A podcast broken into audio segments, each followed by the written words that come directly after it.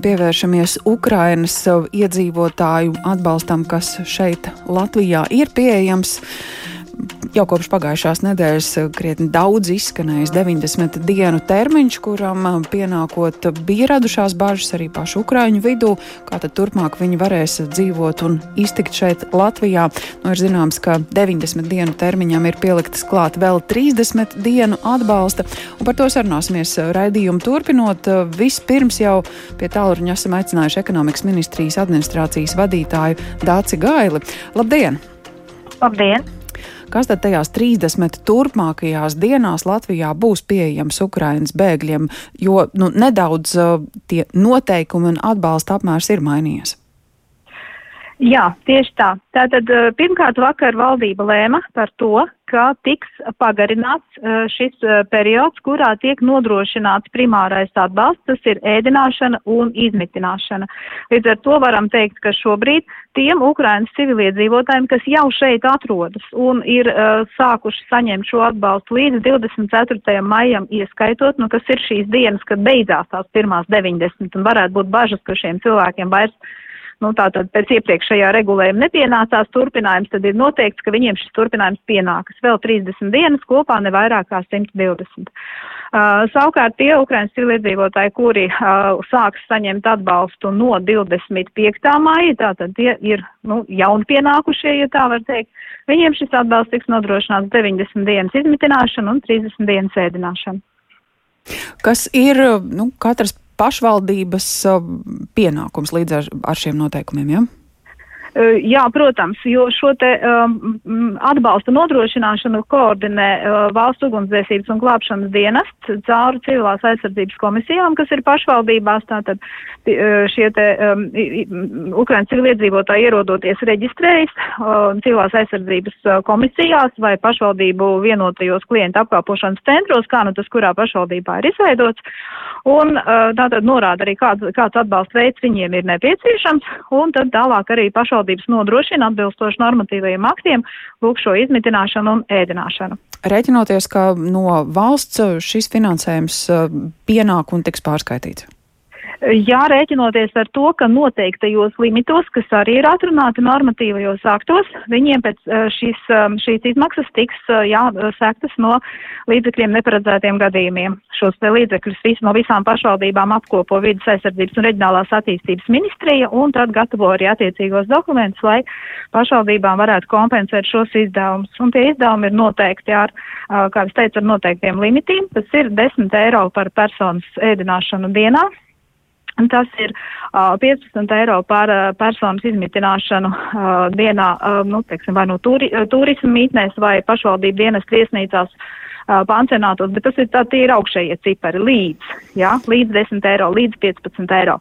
Un ir iespēja arī uh, slēgt uh, trīspusējas uh, dzīvokļu īres līgumus, kur ir tātad izīrētājs mūsu uh, vietējais uh, dzīvokļu īpašnieks, -hmm. ir Ukrainas civiliedzīvotājs un pašvaldība kā maksātājs. Un ši, šo te dzīvokļu īres līgumu limits ir uh, 400 eiro. Uh, Un arī ir iespēja uh, izmitināt uh, šajās maisaimniecībās, kas to dara brīvprātīgi un neprasot no Ukrainas civiliedzīvotājiem uh, īres maksu par saviem dzīvokļiem. Uh, šīm uh, maisaimniecībām no 19. māja ir paredzēts arī tāds atlīdzības maksājums, uh, kas ir noteikts uh, 100 eiro uh, mēnesī par. Mm pirmo personu un plus 50 eiro par katru nākamo izmitināto personu šajā mājoklī. Uh, Kopumā ne vairāk par 300 eiro mēnesī.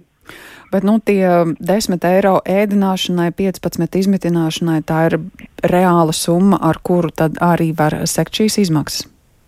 Šobrīd izskatās, ka jāspriežot pēc pārskatiem, ko mēs esam saņēmuši, vidējā, vidējās izmaksas, ko uzrāda pašvaldības, ir pat zemākas par šiem limitiem.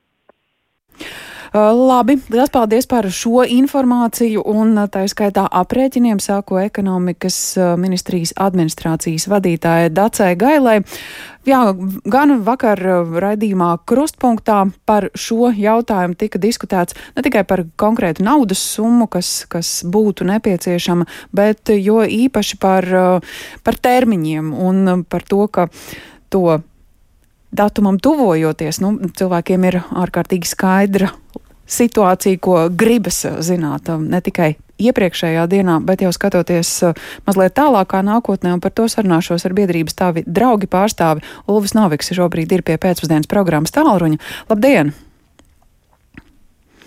Lū! Jā, labdien! Vai es varu sarunāties ar Ulvi Noviku?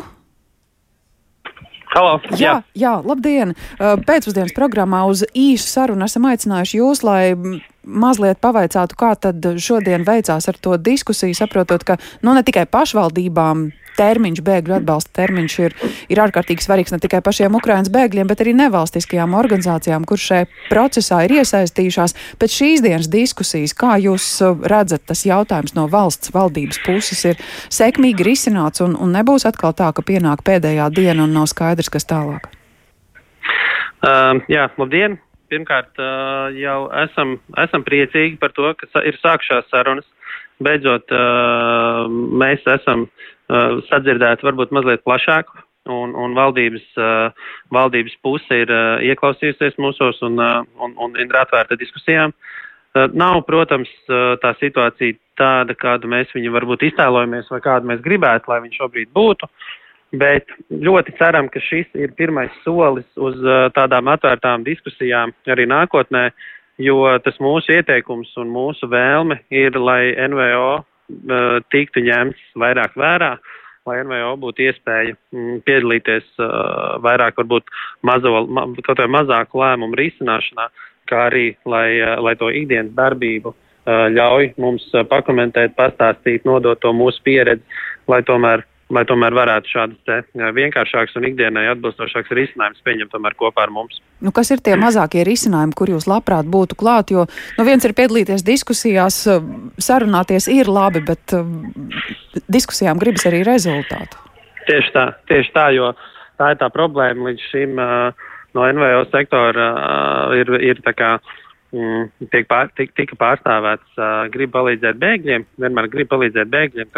Kā piedalījās uh, trešdienu diskusijās, uh, operatīvās vadības sapulcēs, un, un kurās varēja kā, piedalīties, varēja uzklausīt šos lēmumu risināšanu un, un šādus piedāvājumus.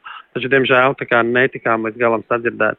Un, nu, ir dažas idejas, ir daži risinājumi jautājumi no mūsu puses, kuros, piemēram, attiecībā uz dzīvošanu, attiecībā uz mājokļu jautājumiem, kur mēs ļoti gribētu, lai mūs sadzird, Uh, ka mēs jau ļoti ilgi gaidām, kad uh, valsts ugunsdzēsības, respektīvi VUGDA sistēmā tiks izveidota vienota sistēma par to, kurā uh, iedzīvotāji, kas vēlas, latvieši, kas vēlas uh, piedāvāt savus mitekļus Ukraiņiem, viņi varētu ievietot šos sludinājumus, varētu ievietot šo informāciju.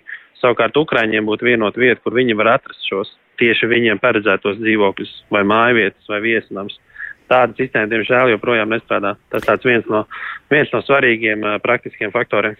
Kur izdosies iztikt bez uh, nevalstiskā sektora, bez, bez kādu padomdevēju atbalstu, jo, jo visa pieredze liecina, ka Ukraiņi izmanto mazliet citas informācijas platformas, citu saziņas tīklus nekā dažādu iestāžu mājaslapas. Protams, arī mēs paši tagad veicām aptauju, kurā divu dienu laikā mums aizpildīja vairāk kā 500 respondenti tieši Ukraiņi kur arī apstiprinājās tas, ka uh, 75% izmanto Telegram uh, vietni, kur nodot informāciju, 70% izmanto Facebook, un skaidrs, ka šie viņi neizmanto valsts, uh, valsts pārvaldes uh, saziņas līdzekļus, viņi neizmanto šīs te mājaslaps. Un tā, protams, ka NVO iejaukšanās arī šeit būtu aktuāli. Mēs varētu to informāciju nodot. Tas ir arī tas, ko mēs gribam pateikt, ka, uh, lai mūs izmanto kā tiltu, lai mm. mūs izmanto kā šo komunikācijas veidu, starp, starp valsti un starp Ukraiņiem. Mēs to ļoti labprāt darīsim, tikai mēs vēlamies saņemt paši šo informāciju. Paldies par šo ieskatu un cerams, ka šīs vēlmes tiks sadzirdētas arī no valsts puses, no tām institūcijām, kuras palīdz Ukraiņas iedzīvotājiem, kuri kardē šobrīd nonākuši Latvijā. Ir